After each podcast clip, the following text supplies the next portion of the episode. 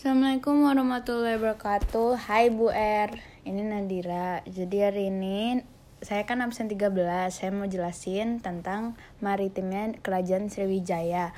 Pada abad ke-7 muncul kerajaan yang berkembang begitu pesat di wilayah Sumatera yaitu kerajaan Sriwijaya. Awalnya Sriwijaya muncul setelah munculnya kota-kota perdagangan. Wilayah pantai timur Sumatera merupakan wilayah yang sangat ramai dikarenakan wilayah tersebut jadi salah satu jalur perdagangan. Kerajaan Sriwijaya terletak di Sumatera Selatan, tepatnya di Sungai Musi, Palembang. Menurut prasasti Kedukan Bukit, Raja Sriwijaya yang bernama Dapun Tahiang berhasil menaklukkan daerah Minang Tamuan yang diperkirakan saat ini adalah daerah Jambi. Letak Sriwijaya cukup strategis mendorong interaksi antara Sriwijaya dengan kerajaan di luar Nusantara seperti Kerajaan Nalanda, Kerajaan Chola dari India. Selain dengan India, Sriwijaya juga melakukan hubungan baik dengan pedagang-pedagang dari Tiongkok yang sering singgah.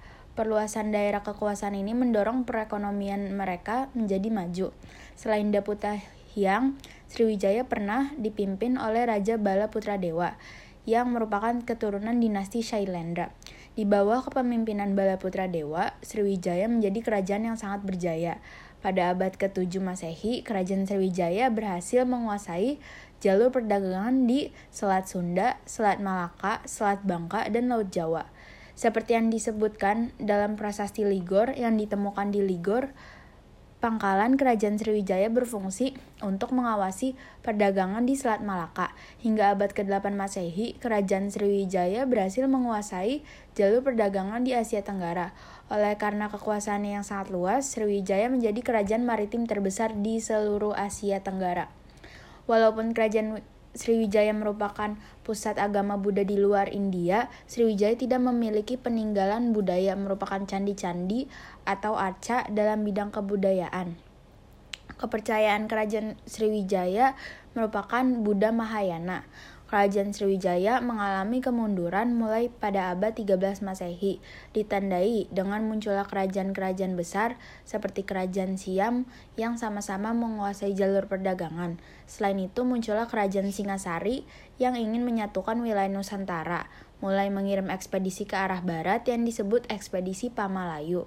Aktivitas perdagangan juga sudah juga sudah mulai berkurang sehingga para pedagang menyeberang ke daerah Tanah Genting Kerak. Kekuasaan Sriwijaya mulai berakhir karena munculnya kerajaan Majapahit dan dihancurkan pada 1377 Masehi. Prasasti peninggalan Sriwijaya 1. Ada prasasti Ligor 2. Ada prasasti Palas Pasemah 3. Ada prasasti Hujung Langit 4. Ada prasasti Kota Kapur 5. Ada prasasti Telaga Batu 6. Ada prasasti Kedukan Bukit 7. Ada prasasti Talang Tuo 8. Ada prasasti Talang Leiden. Dan yang terakhir ada prasasti Karangbirahi. Sekian penjelasan saya tentang uh, Sriwijaya Marit eh Mataram Mataram yang ada di Kerajaan Sriwijaya. Wassalamualaikum warahmatullahi wabarakatuh.